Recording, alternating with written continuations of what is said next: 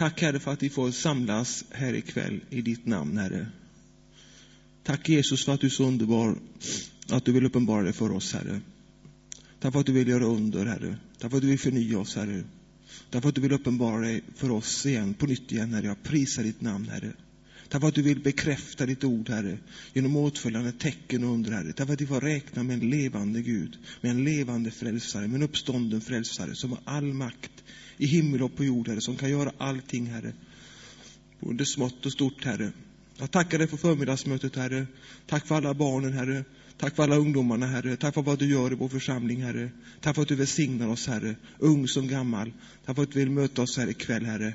Att ingen ska behöva gå härifrån utan att ha fått någonting ifrån dig. Jag vill prisa, lova, upphöja ditt namn, Herre. Tack för att du är trofast, Herre. Tack för att du är mitt ibland oss, Herre. Tack för att du möter upp. Jag prisar dig, Herre. Amen. Tack och lov. Ja, det är ju då, vad heter det, rubriken som jag satt för det här en gång i tiden, det var vår position i Kristus. Men eh, man skulle också kunna sätta en annan rubrik och det är nåd och synd. Och eh, det här kapitlet ska visst varit Luthers, en av hans favoritkapitel.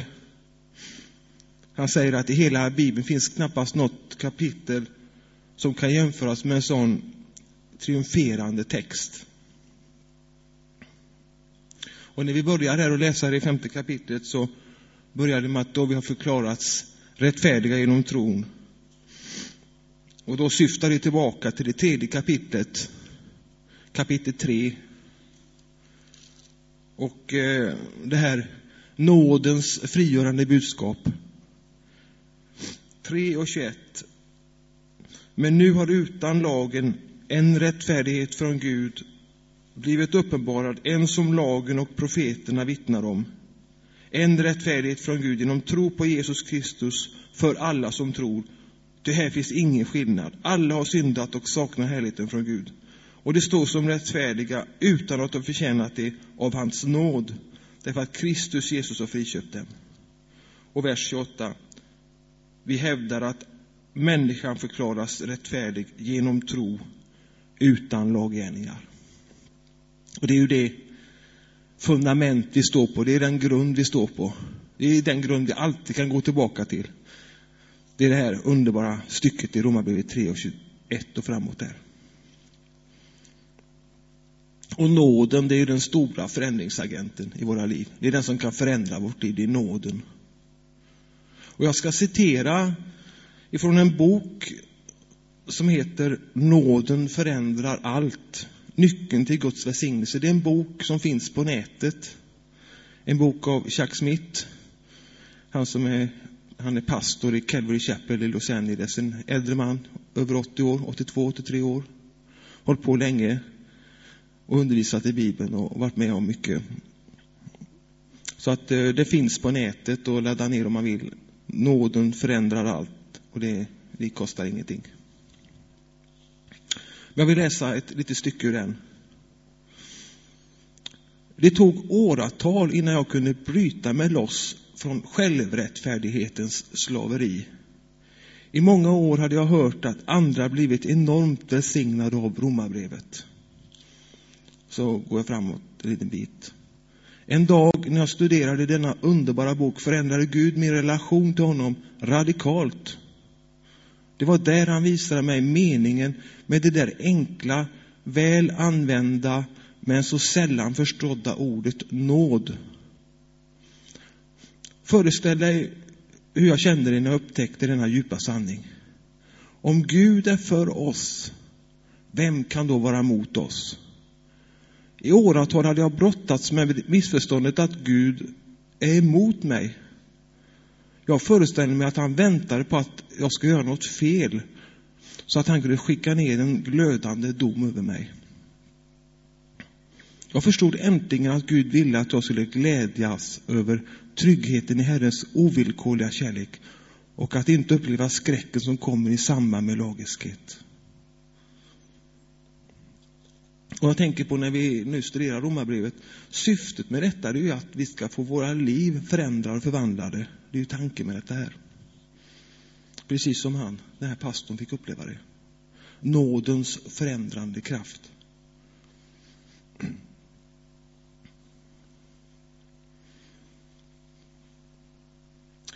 Ifrån vers 1 i kapitlet där, eh, kapitel 5.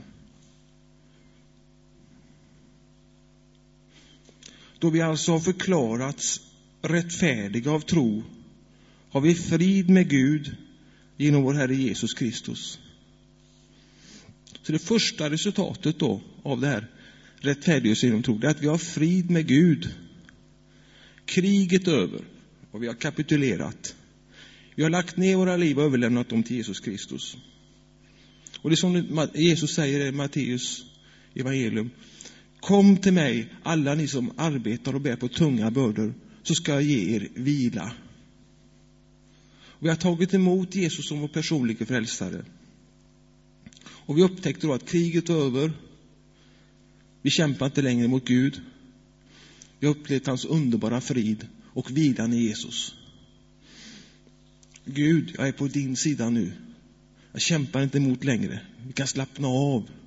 Fiendskapen över. Vi har lagt våra liv i hans händer.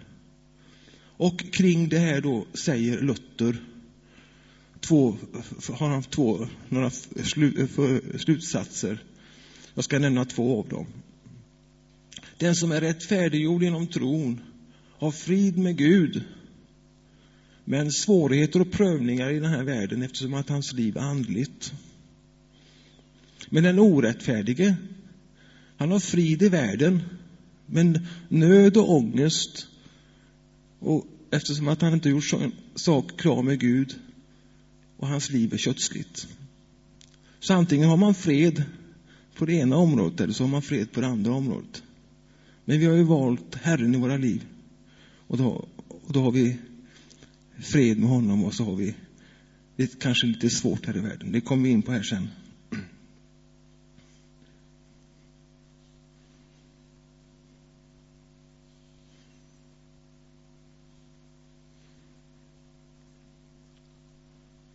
Ifrån vers 2 här läser vi.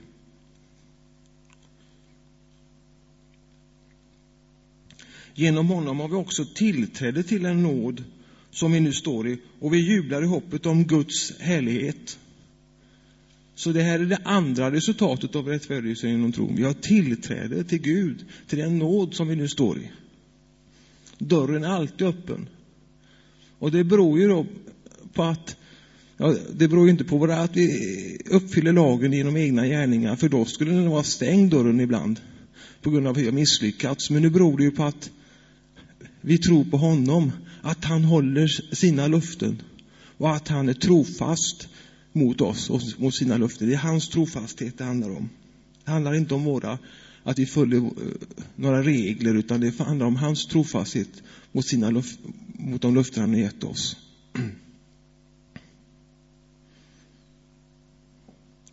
Men eh, Satan kommer ju och försöker fånga oss som kristna. Och han kommer ju och, och liksom vill peka på att vi är otillräckliga och att vi inte kan leva upp till Guds krav och att vi brister. Naturligtvis vill han peka på våra brister. Och så vill han ju liksom få oss att tro att dörren är stängd.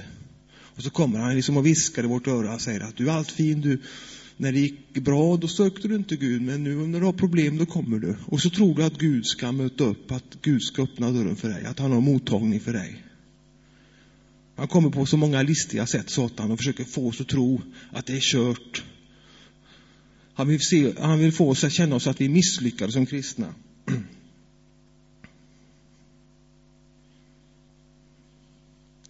Men nåden, det är ju Guds oförtjänsta, oförtjänta gunst ynnest mot oss.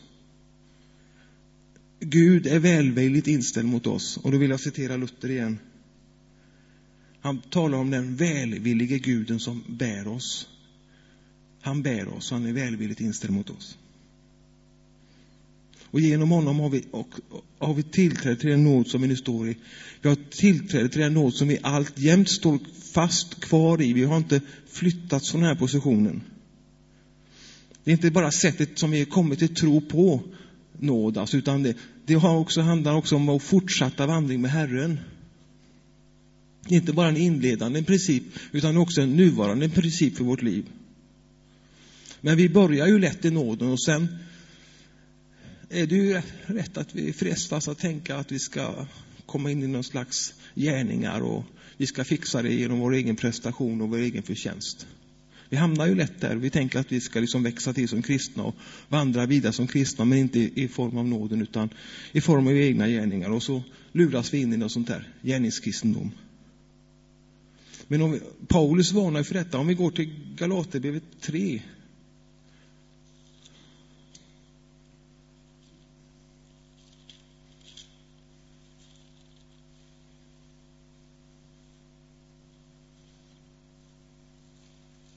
Han är lite skarp där mot galaterna. Kapitel 3 och vers 2 i Galaterbrevet. Endast det vill jag veta. Tog ni emot anden genom att hålla lagen eller genom att lyssna i tro? Är ni så dåraktiga, ni som började i anden, ska ni nu sluta i köttet. Och så går vi fram till kapitel 5, vers 1 och framåt där. Och där varnar han oss för att vi kan falla ur nåden, vi kan ramla ur nåden. Till denna frihet har Kristus gjort oss fria. Stå därför fasta och låt er inte på nytt tvingas in under slavoket. Se, jag Paulus säger er att om ni låter omskära er kommer Kristus att inte vara till någon hjälp för er. Jag försäkrar er än en gång, var och en som låter omskära sig är skyldig att hålla hela lagen. Ni har kommit bort från Kristus, ni som försöker bli rättfärdiga genom lagen. Ni har fallit ur nåden. Så det går att falla ur nåden och det går att hamna i, tillbaka i gärningar igen.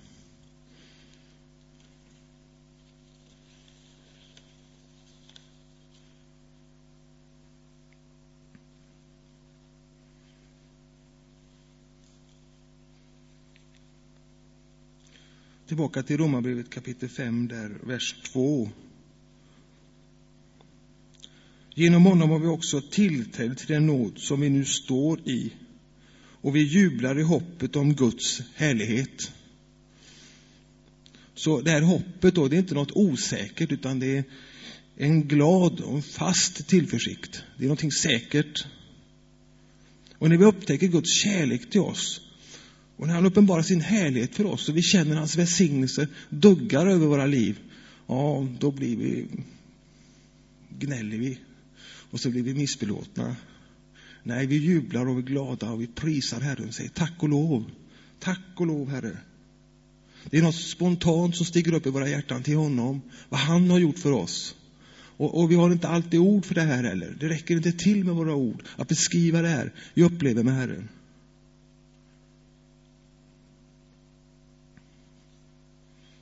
Och vi lovprisar Gud. Vi säger tack gode Gud, du är så underbar. Tack Jesus för att du älskar mig.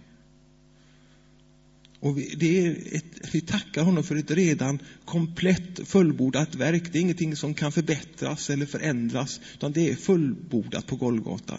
Vi prisar honom för detta. Vi jublar i hoppet om Guds sällighet.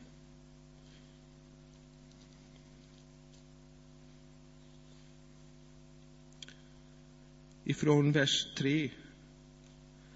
Men inte bara det, vi jublar också mitt i våra lidanden eftersom vi vet att lidandet ger tålamod. Så det går ju an att prisa Gud och i ett härligt möte och när det är bra och allt går bra och så och vi har det gott och skönt. Men vi, kan, vi prisar också Gud mitt i våra lidanden. Och det är ju märkligt. För det skiljer sig kristendomen ut från alla andra religioner och filosofier som lär att vi kan glädja oss mitt i våra lidanden. Hur kan jag då jubla mitt i mina lidanden? Vad finns det för någon förklaring till det? Ja, vi läser i Romarbrevet 8.28 att vi vet, vi vet att för den som älskar Gud sam, samverkar allt till det bästa efter dem som kallar efter hans beslut. Allting samverkar till det bästa för oss som älskar Herren. Och ibland ser vi ju inte då Guds tanke och Guds syfte med det som händer. Vi ser inte helheten, vi ser inte alltihopa.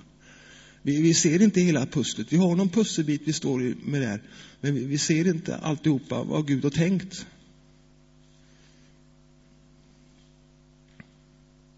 Vi ser bara ibland närvarande svårigheter och prövningar. Och ibland ser vi bara lidande och smärta. Då tänker jag på Jakob, då, patriarken Jakob. Han tyckte ju det liksom att allting motverkade honom. Allting var emot honom. Totalt allting. Hela tillvaron motarbetade honom. Ni vet att eh, det, det blev ju hungersnöd där i, när han bodde med sina familjer. familj. De fick bege sig till Egypten för att skaffa bröd och mat. Och där mötte de ju då faraos tillsynsman Josef. De känner inte igen sin bror. Och de kommer tillbaka och rapporterar till sin far att han, han var ond, han var tuff mot oss, han var inte lätt att göra med. Och så frågar han efter familjeförhållande och om vi hade några ytterligare syskon och så sa han det att kom inte tillbaks med mindre än ni har Benjamin med er.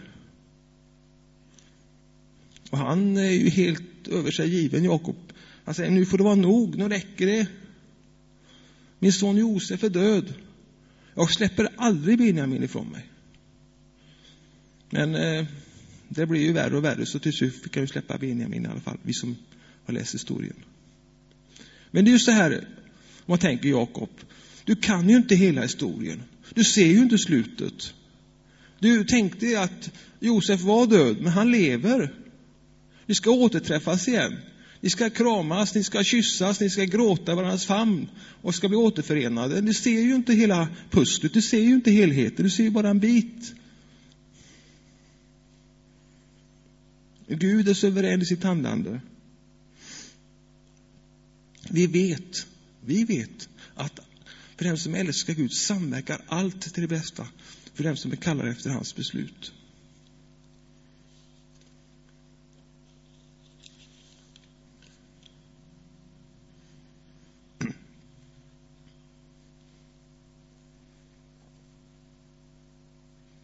Men inte bara det.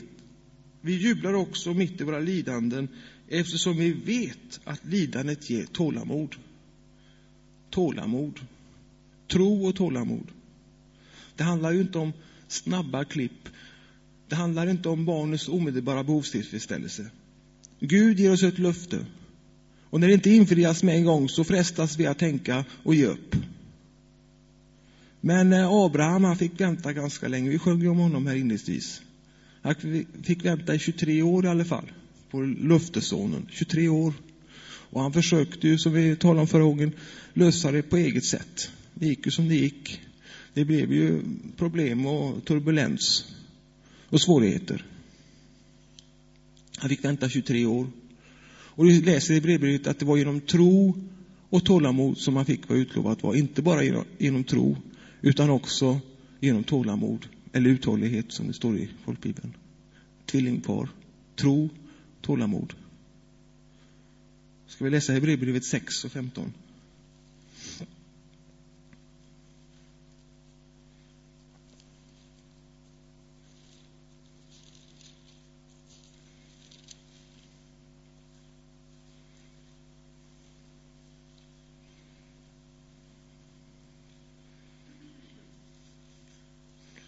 6 och 15 i Hebreerbrevet.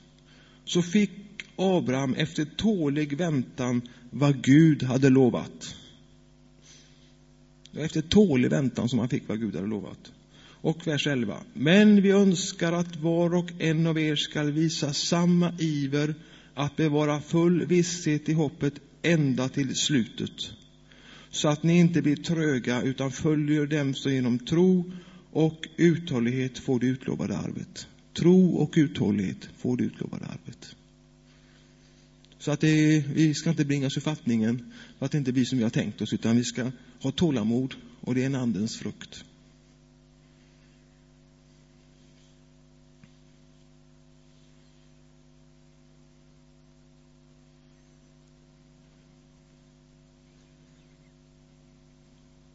Kapitel 5 igen och vers 3, 4. Men inte bara det, vi jublar också mitt i våra lidanden eftersom vi vet att lidandet ger tålamod. tålamodet fasthet och fastheten hopp. Och i Apostlagärningarna 14 läser vi att de sa att vi måste gå igenom många lidanden för att komma in i Guds, lidan, eh, Guds rike. Vi måste gå igenom många lidanden för att komma in i Guds rike. Det är en tvingande nödvändighet, måste. Det är ingenting vi kan välja bort och säga att ja, det vill vi inte ha. Den biten vill vi inte ha Och vi vill följa Herren.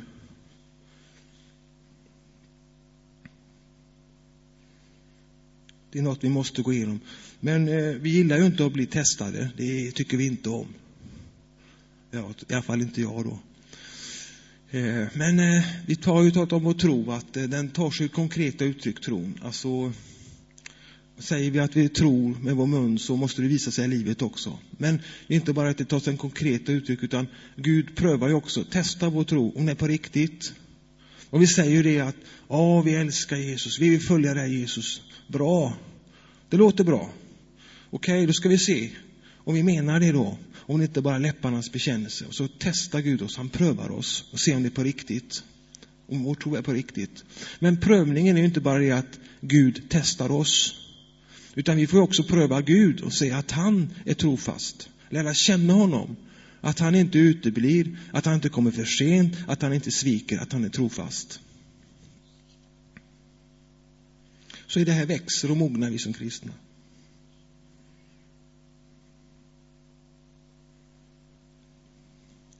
Vers 5. Och det hoppet bedrar oss inte, till Guds kärlek är utgjuten i våra hjärtan genom den heliga Ande som han har gett oss. Så hur ska det gå till det här då? Ja, vi fixar det här ju inte i egen kraft alltså. Det är ju helt klart, i alla fall inte jag, inte någon, utan vi måste ha någonting annat. Och, och då står det att Guds ande är utgjuten i våra hjärtan genom den heliga Ande. Och, och det är Guds kärlek. Så att, vad är det som gör att vi kan glädja oss mitt i, i våra lidande? Jo, det är den heliga Ande. Och när vi blir berörda av Guds kärlek kan vi genomlida det mesta. Det är Andens verk i oss. Och Luther han säger så här.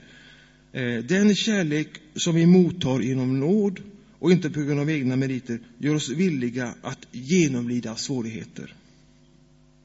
Och Guds kärlek den kommer inte bara i små rännilar utan den är utgjuten över oss på ett överflödande sätt genom den helige Ande. Och nu vet jag inte om ni har vandrat i fjällen och så. Men eh, när man klättrar upp mot fjälltoppen så ser man ju de här vattenflödena, de här små vatten. Eh, det rinner ju vatten överallt. Men ju längre upp man kommer på fjälltoppen, ju mindre blir de här eh, vattenflödena, de här rännilarna. Till slut så är det ju inte något vatten att få tag på alls om man ska ha något att dricka, så då måste man ju ha med sig den här behållare då. Men tittar man då ner i dalen då så ser man ju alla de här rännilarna, de här vattenflödena har samlats till en stor mäktig älv till slut. Och kommer man neråt kusten så ser man ju mäktiga älvar som man kör över i de eh, stora, långa broar. Och Guds ande, eller Gud vill utnyttja sin ande som strömmar över oss. Han vill att det ska strömma i våra liv, flöda i våra liv. Och Guds kran, den är öppen, den är inte stängd. Han har öppnat sin kran, kran så det är upp till oss att ta emot av hans kärlek, av den helige Ande.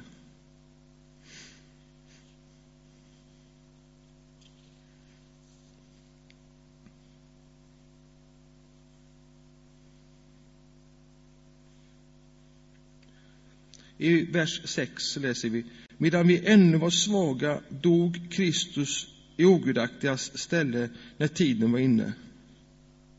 Och vi har så svårt att frigöra oss från detta, att vi ska vara älskvärda, vi ska vara ganska bra för att Gud ska godta oss, go, godkänna oss. Vi tänk, frestas tänka att vi ska arbeta oss upp till en viss nivå för att Gud ska acceptera oss. Och om vi tänker att om, om Jesus hade dött bara för de här goda människorna inom situationstecken, då hade det ju varit bra. Men när frälste Gud dig? När frälste Gud mig? Var det när vi var på topp? I alla fall inte i mitt fall så var det ganska långt ner i botten. Och Jesus dog för syndare och ogudaktiga. Han dog inte för rättfärdiga människor.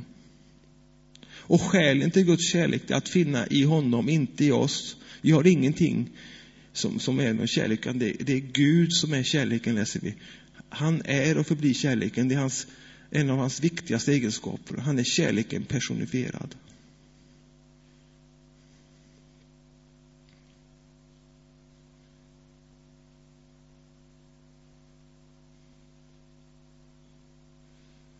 Vers 7-8 läser vi.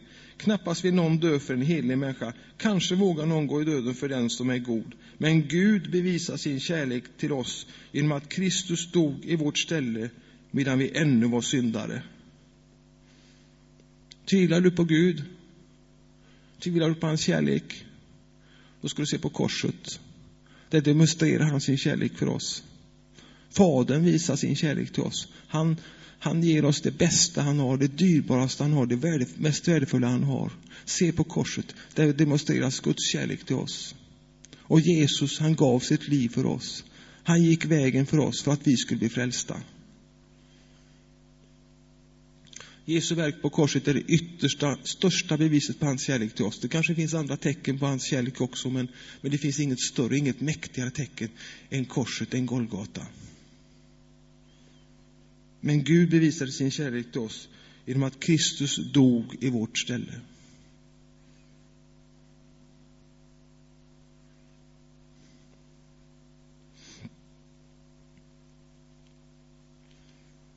Ska vi läsa vers 9 också, och 10 här. När vi nu står som rättfärdiga genom hans blod, hur mycket säkrare ska vi då inte genom honom bli frälsta från vredesdomen? Ty om vi, medan vi var Guds fiende, blev försonade med Gud genom hans sons död, hur mycket säkrare ska vi då inte bli frälsta genom hans liv, när vi nu är försonade? Jag tycker det är lite intressant där att tänka att när vi var fiender till Gud, alltså, han, vi var ogudaktiga, då frälste han oss på grund av sin försoning. Han dog för oss. Då blev vi försonade med Gud. Fantastiskt. Det fanns ju ingenting överhuvudtaget vettig förklaring till detta här. Men då, nu alltså, är vi alltså vänner till Gud. Och, och, och vi har liv med her, honom. Och han är uppstånden. Hur mycket mer ska vi då inte bli frälsta genom honom? Fantastiskt. Och det här är ju en frälsning då som, det är inte nätt och jämnt eller knappt sådär, utan vi läser i Jesaja att vi får ösa med fröjd ur frälsningens källor. Vi får ösa vatten med fröjd ur frälsningens källor. Så det, det, det, är, som, det är källor, det är, det är ett liv att leva, ett överflödsliv, ett övernog. Och Det är också viktigt, tänker jag, att veta att vad gör Jesus idag? Han är verksam idag. Han är aktiv idag. Han sitter på Faderns högra sida. Han går i förbön för oss idag. Han är engagerad för oss. Han följer oss alla dagar. Vi vet ju att en gång så levde han med Fadern i härlighet, men han lämnade den här platsen för att komma hit ner på jorden, för att leva ett liv som människa, för att dö på ett kors. Vi läser om hans liv här nere på jorden, hur han vandrade här nere, hur han gjorde gott och botade alla och, och gjorde underbara ting ibland oss. Och nu sitter han på Faderns högra sida. Nu är han verksam för dig och mig i förbön. Och han kommer snart igen för att hämta oss hem igen till sig, då ska vi alltid få vara hos honom. Och då har vi ett underbart ord i Hebreerbrevet 7 och 25.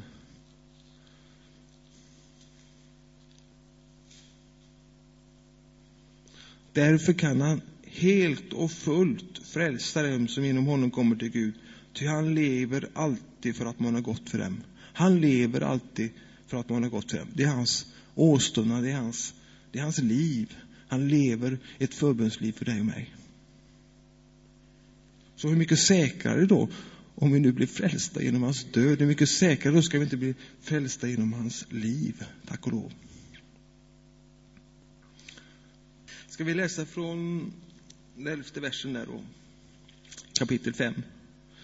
Men inte bara det, utan vi gläder oss i Gud genom vår Herre Jesus Kristus, genom vilket vi nu har tagit emot försoningen. Och det är just ordet försoningen där som är intressant att ha tänkt på. Att eh, det är lite olika betydelse för försoning i hebreiskan i Gamla testamentet och i grekiskan i Nya testamentet. I Gamla Testamentet så har, har vi det hebreiska ordet kafar. Och det betyder täcka över. Och det innebar att de gammaltestamentliga offren av tjurar och bockar kunde bara täcka över synden. Kunde inte ta bort synden. Och när det gäller det här nytestamentliga ordet då, grekiskan katalache, så, ja, du, nu sitter ju en språkexpert här då. Men i alla fall, det betyder att göra till ett. Att man blir förenad med och att ni blir ett. Och eh, det kunde alltså inte de gammaltestamentliga offren. Det kunde inte göra oss till ett med Gud. Men eh, vi läser ju om Jesus att han tog bort det som skilde oss åt, synden. Synden var det som skilde människa och Gud åt och Jesus tog bort det. Och då ropar ju Johannes döparen ut, se Guds lam som tar bort världens synd. Så nu har vi blivit ett med Gud. Och, och det, grundtanken var ju det då att vi skulle bli Guds avbild. Ni kommer ihåg vad som står i Gamla Testamentet i Moseboken. Låt oss göra människor till vår avbild. Till att vara lika oss. Men eh, som en konsekvens av synden följer människan. Kontakten och gemenskapen med Gud bröts. Och Guds plan var ju att upprätta relationen mellan människa och Gud igen. Och vi vet att Jesus kom, han tog vår synd, han dog i vårt ställe och han återknöt kontakten med Gud. Och det är så här då att vi har alltså inte utvecklats ifrån lägre form av liv till högre form av liv. Den här felande länken då som man letar efter, som ska vara övergången ifrån lägre form till högre form av liv. Att vi kommer från någon babian eller något sånt där. Den har man ju inte hittat då alltså. Men den felande länken alltså, det är mellan oss och en högre varelse, Gud. Och det är synden. Så att eh, Jesus kommer ju för att upprätta oss igen. Han är medlaren, han är den som länkar samman Gud och människa igen. Vi har nu blivit ett med Gud. Och vi har kommit tillbaka till ursprungstanken.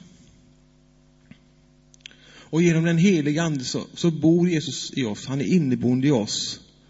Och, och, eh, då är ju den här tanken att vi ska bli lik Gud, hans avbild. Vi ska bli lik Jesus. Och genom den heliga Ande likbildas vi med Jesus, han som bor i oss. Och i Andra Korinthierbrevet 3 och 18 har vi en vers som pekar på detta. Det finns flera versar om att vi ska bli lik Jesus. Men eh, jag läser från Andra Korinthierbrevet 3 och 18.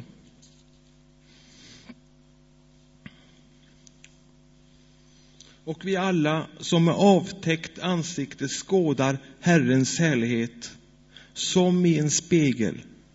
Vi förvandlas till en och samma bild, från härlighet till härlighet. Det sker genom Herren, Anden. Så att spegeln då alltså, det är ju, som vi läser i annat ställe, det är Guds ord. Och där ser vi Guds härlighet och vi speglar oss i Guds ord och vi speglar oss i Herrens härlighet. Och så blir vi mer lik den här bilden då alltså. Bilden är ju Jesus då, av hur vi ska leva, hur vi ska vara. Vi har ju hans liv och vi kan titta på hans exempel. Och det sker genom Herren, Anden. Det är Guds ande som verkar detta i oss. Vi blir ett med Gud i tanke och handling.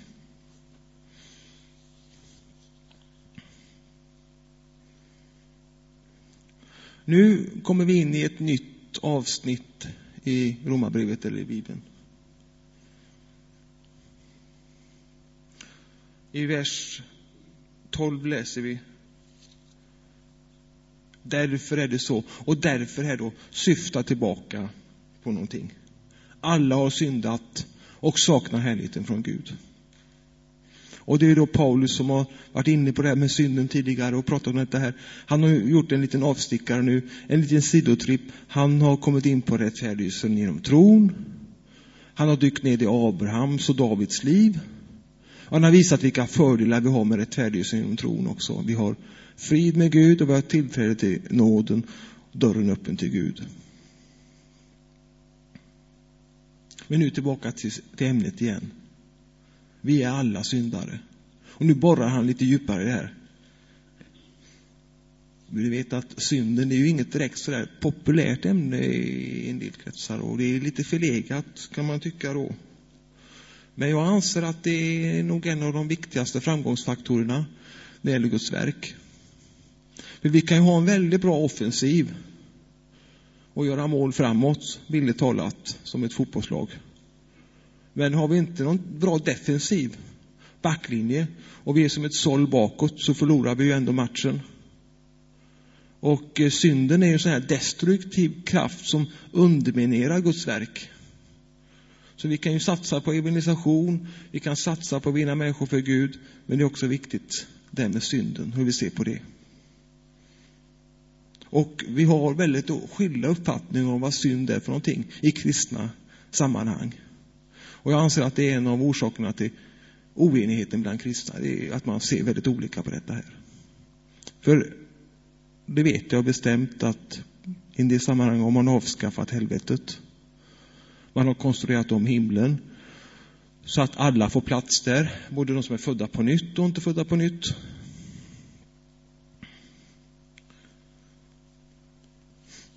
Synd, det är inte någon synd mot Gud framför allt, alltså att man, som David ropar ut i den 51 salmen.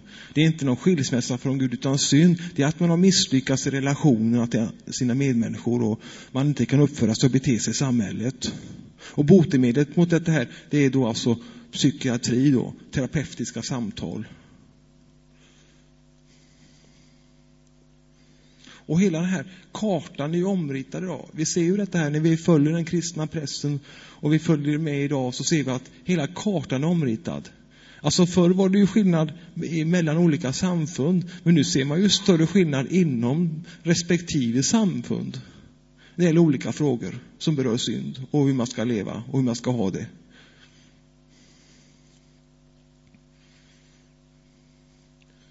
Men jag tänkte på det om vi ändrar nu på evangeliets innehåll. Vi har ju läst om det i första kapitlet den 18 versen, att evangelium är en Guds kraft till frälsning för var och en som tror. Men låt oss säga att vi ändrar på innehållet i evangeliet då. Hur går det då? Och har ju, vi har ju kurser då i jobbet då, en del kurser och så. Så har vi en manual då som någon har gjort de här kurserna. Det kanske är någon i Amerika som har gjort en manual, säger vi då. Och så följer vi inte den här manualen. Och då kan ju inte den som gjort kursen och utformat den här, han kan ju inte stå till svars för att det inte blir, eh, fungerar som det skall i den kursen vi har, eller att det får den verkan som det skall. Vi kan ju inte skylla honom för det. Och Gud har gett oss en manual, han har gett oss ett evangelium. Ändrar vi på det evangeliet, då, då kan ju inte Gud stå till svars för det. Utan då får vi stå vårt eget kast. Och jag misstänker att ja, då blir det ett annat evangelium naturligtvis, som Paulus talar om. Och det blir inte en Guds kraft till frälsning för var den som tror. Tar vi bort synden så kan man ju fråga sig vad vi ska bli frälsta från för någonting. Men det här kommer vi in på nu, ett av de här mest magnifika, och storslagna avsnitten i Bibeln. Jag läser från vers 12.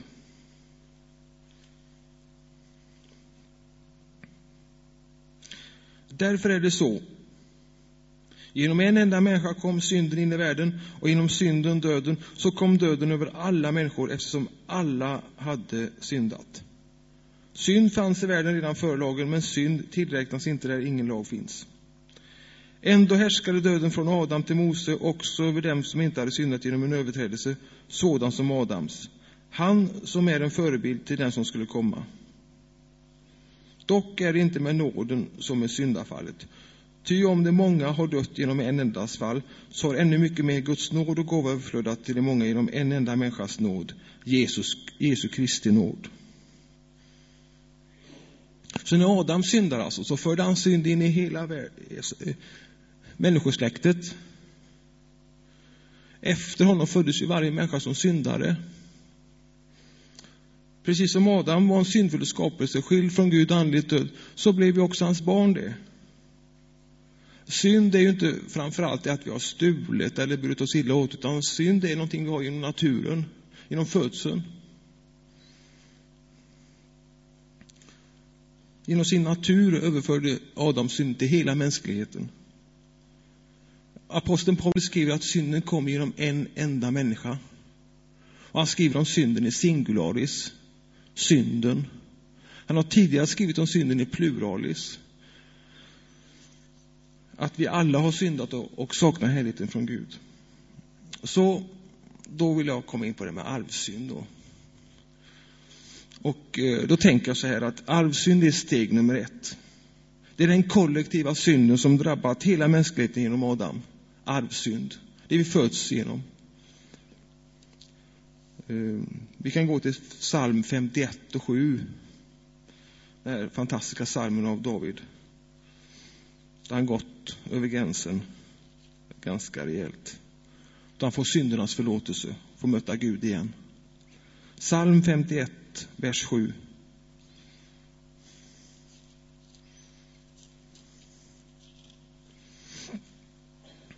Där säger han så här. Se, i synd är jag född och i synd blev jag till i min moders liv. Så det är vad vi kallar för och benämner för arvsynden. Och det är detta som gör då att det blir handlingssynd. Steg nummer två då, det är arvsynden som gör att det blir handlingssynd. Först att vi föds i synd och sen att vi handlar därefter. Så arvsynden är orsaken till det att alla har syndat och saknar härlighet från Gud. Och nu har ju då olika grupper, bland annat Jehovas vittnen har ju en sån lära och andra grupper också att Adam bara syndade för sig själv. Men när man säger så, så tar man ju bort det som Paulus vill säga här. För det är så att det var möjligt att genom en enda människa alla människor blev syndare. Så det är också möjligt att genom en enda människa som var rättfärdig, Jesus Kristus, att alla människor kunde bli rättfärdiga. Så att en person påverkar hela människosläktet, varken åt det ena eller andra hållet. Och på detta bygger ju då läran om rättfärdighet genom tron, denna fullsats. En man kan handla för ett helt kollektiv av människor. Och ifall en man inte hade kunnat synda för alla, så hade ju inte heller en enda man kunnat bli till rättfärdighet för alla. Och hade så varit fallet hade vi behövt producera vår egen rättfärdighet. Och då hade vi kommit ut i kylan ganska rejält. För i Jesaja läser vi att vi är alla orena. Alla våra rättfärdiga gärningar är som en smutsig klädsel, eller fläckad mantel, som det står i 1917 års översättning.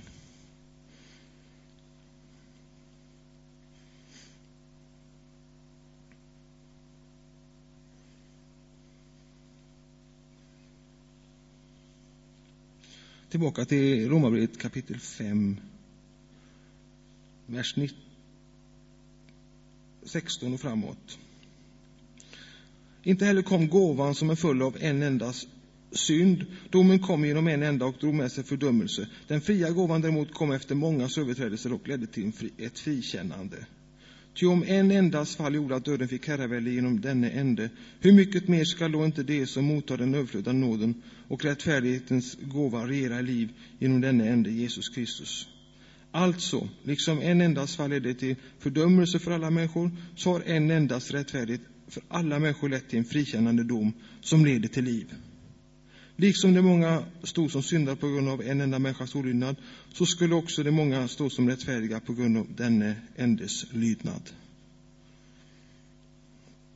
Så jag alltså, är alltså en syndare genom naturen. I synd blir jag född. Och den här syndiga naturen har mottagit från Adam. Jag blev inte en syndare för att jag syndade. Att jag syndar visar att jag är en syndare. Det är något som jag inte kan kontrollera. Det är något jag inte kan styra över. Jag har en syndig natur. Det är något jag fått med mig från födseln. Det som är fött av kött är och förblir kött. Köttet är syndfullt, skilt från Gud. Därför behöver jag bli född på nytt. Det är räddningen. Jag behöver bli född på nytt. Och när vi vet att Adam han åt av frukten från det här trädet mitt i lustgården. Då dog han andlig, andlig, andligen. Gemenskapen med Gud bröts.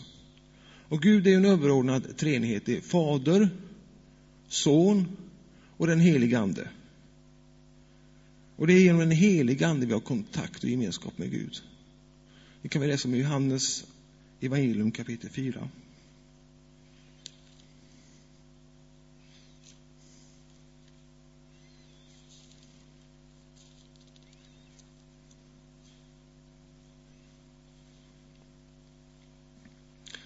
Johannes evangelium, fjärde kapitel, 23 vers. Men den tid kommer, ja den är redan här, då sanna tillbedjare ska tillbe Fadern i ande och sanning. Ty sådana tillbedjare vill Fadern ha. Gud är ande, och de som tillber honom måste tillbe i ande och sanning. Gud är ande, och de som tillber honom måste tillbe i ande och sanning. Och människan å sin sida består ju också av tre delar, en underordnad treenighet, ande, själ och kropp. Och det är det att vi möter Gud då i andens sfär. Alltså, vår ande förenas med Guds ande eller tvärtom. Vi kan läsa om det i Romarbrevet 8 och 16.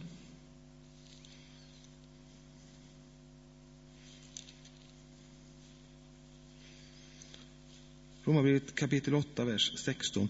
Anden själv vittnar med vår ande att vi är Guds barn.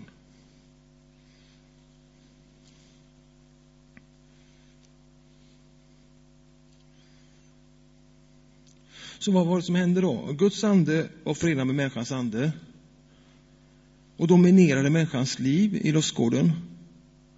Hon hade gemenskap med Gud och var ett med Gud.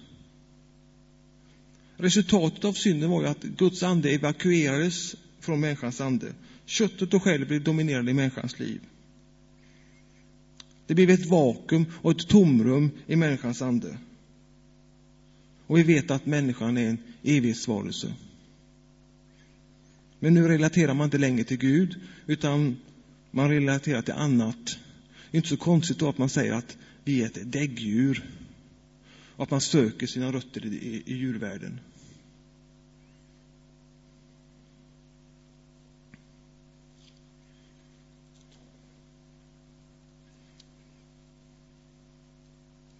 Vi kan gå till Johannes kapitel 3. Läsa om Nikodemus. Jesus insåg ju att människan var andligt död. Nikodemus, han var ju fantastisk på många olika sätt. Han var ju utbildad teologiskt, han var religiös. Och han hade en fin ställning i samhället. Han hade allt det här som människor i en situationstecken kan ha. Men han förstod sig inte på det här med att bli född på nytt. Och Jesus talar om att vi måste bli födda på nytt. Johannes 3 och 3. Jesus svarade, Amen, amen säger jag dig, den som inte blir född på nytt kan inte se Guds rike. Och vers 5.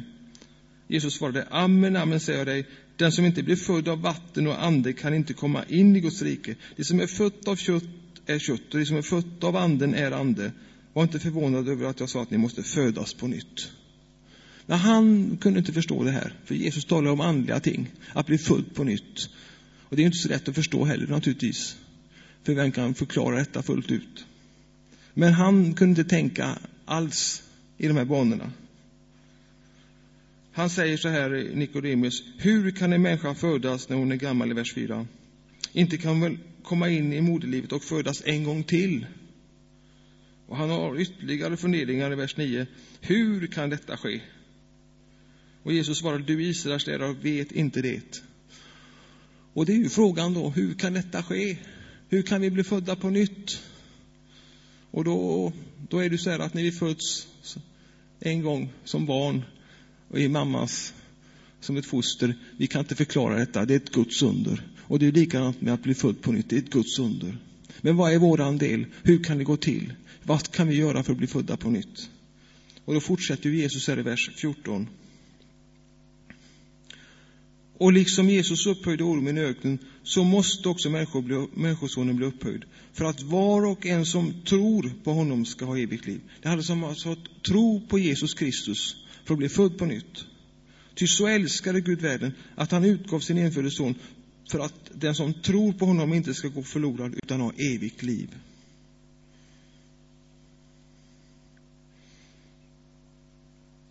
Så boven i dramat då, i allt det här, det är alltså arvsynden då. Som gör att jag begår handlingssynd, som gör att jag inte beter mig som jag ska. Och det har vi fått med oss från fostervattnet, det har vi fått med oss av födsel och ohejdad vana. Men nu har jag blivit tagit emot den här fria gåvan som Paulus talar om. Jag har blivit född på nytt. Jesus är ny huvudman i mitt liv. Jesus är Herre i mitt liv. Guds ande dominerar mitt liv. Guds ande har flyttat in igen och återigen förenats med min ande genom pånyttfödelsen. Och genom pånyttfödelsen är arvsyndens makt bruten. Tack och lov. Jag är inte längre fången under syndens natur. Jag är inte tvungen att synda längre. Jag är fri. Fri i Herren. Och det är denna frihet som Paulus talar om. Jag är fri från syndens makt och välde över mitt liv. Och nu ska ni få en liten grej härifrån Spurgeon då. Han sa så här att om man är född en gång så dör man två gånger. Har ni hört det? Om man är född två gånger så dör man en gång. Var det lite klurigt? Alltså, om vi bara är födda en gång som alla människor och inte födda på nytt, då dör vi både fysiskt och så dör vi också andligt genom en evig skilsmässa från Gud. Alltså den som är född en gång dör två gånger. Men den som är född två gånger, alltså vi har blivit födda allihopa, det vet vi, och så har vi blivit födda på nytt två gånger. Då dör vi bara en gång, då dör vi bara fysiskt med vår kropp, men vi lever för evigt med Herren. Ingen evig skilsmässa, ingen andlig död.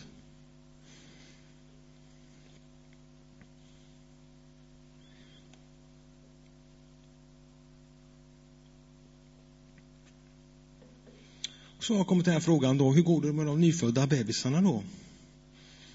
Jag är ju morfar nu så att eh, det tar ju hjärtat det här hur det ska gå.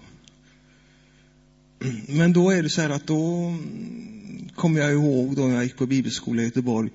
Det var ju bara sådana här månadskurser då på den tiden. Det var ju inte så väldigt avancerat. Men jag hörde ju på Sven Adrian. Ni vet vem det är, många av er eller? Sven Adrian. Han lever väl inte längre. Han talar ju om det här med arvsynden naturligtvis. Och det kommer jag ihåg än idag. Och han säger ju så här att den här första Adam då alltså.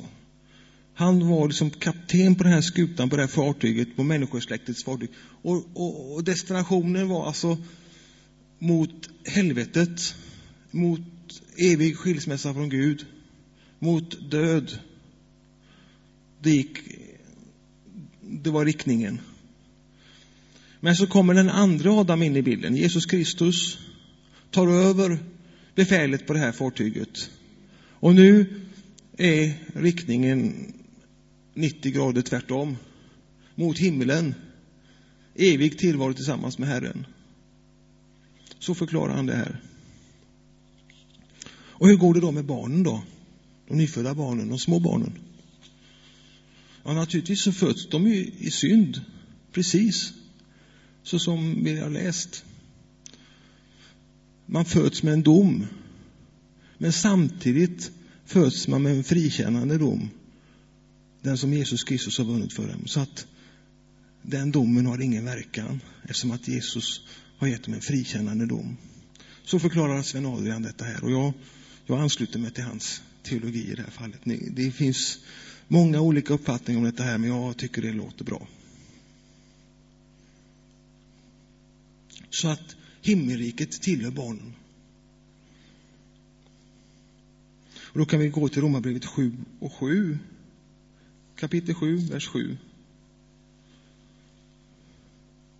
Se om vi kan hitta något stöd för det här som Sven Adrian säger.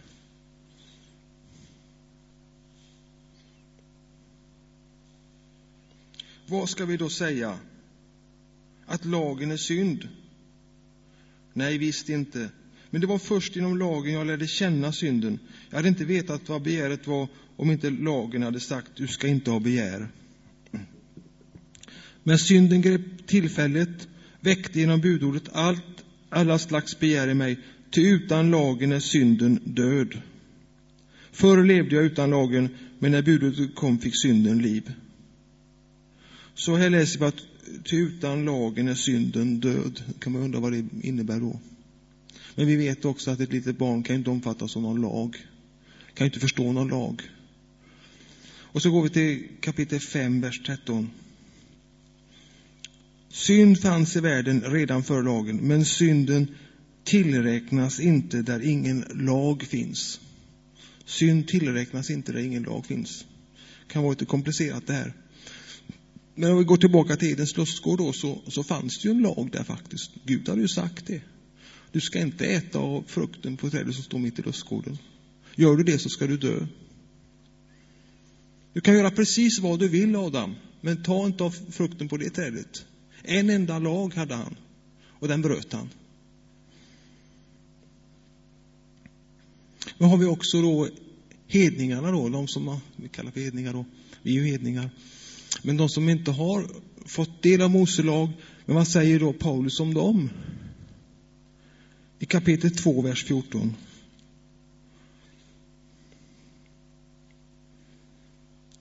Ty när hedningarna som saknar lagen av naturen gör vad lagen befaller, då är det sin egen lag fastän de inte har lagen. Han säger att de har sin egen, de är sin egen lag.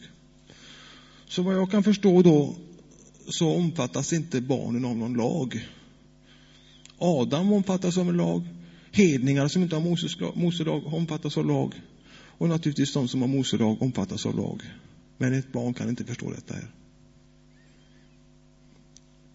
Och jag tycker det låter bra att synden tillräknas inte där det inte finns någon lag. Och så har vi då barnens kapitel. Vi kan ju läsa om det när vi kommer hem.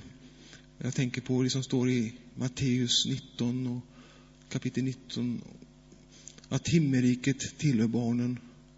Vi läser i kapitel 18 att den som förleder en av dessa små det vore bättre att en kvarnsten hängde som han satt så han kastades i havet. Man kan alltså förleda en av dessa små. Vi läser vidare att de har en, eh, änglar eh, som står i förbindelse med Fadern, i ständig förbindelse med Fadern. Vi kan läsa om att Fadern inte vill att någon enda av dessa små ska gå förlorad.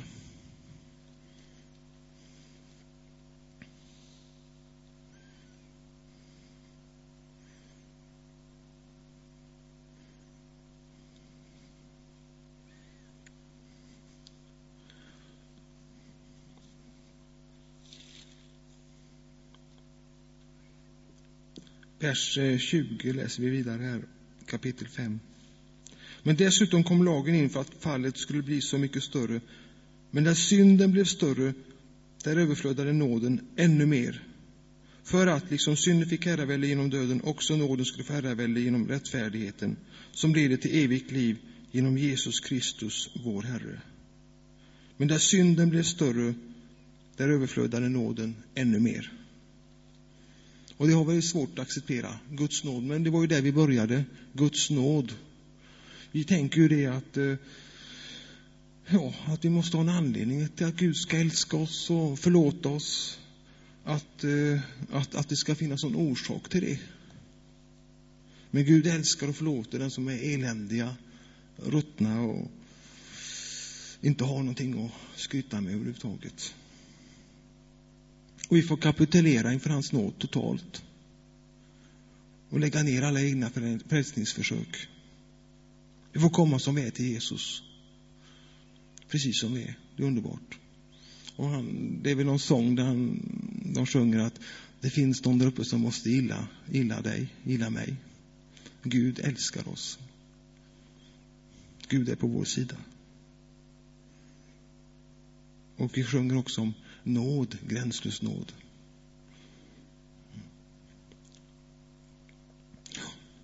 Tack Herre för att vi fått sysselsätta oss med ditt ord den här kvällen Herre. Ber att det ska få verka i våra liv Herre, till förvandling Herre.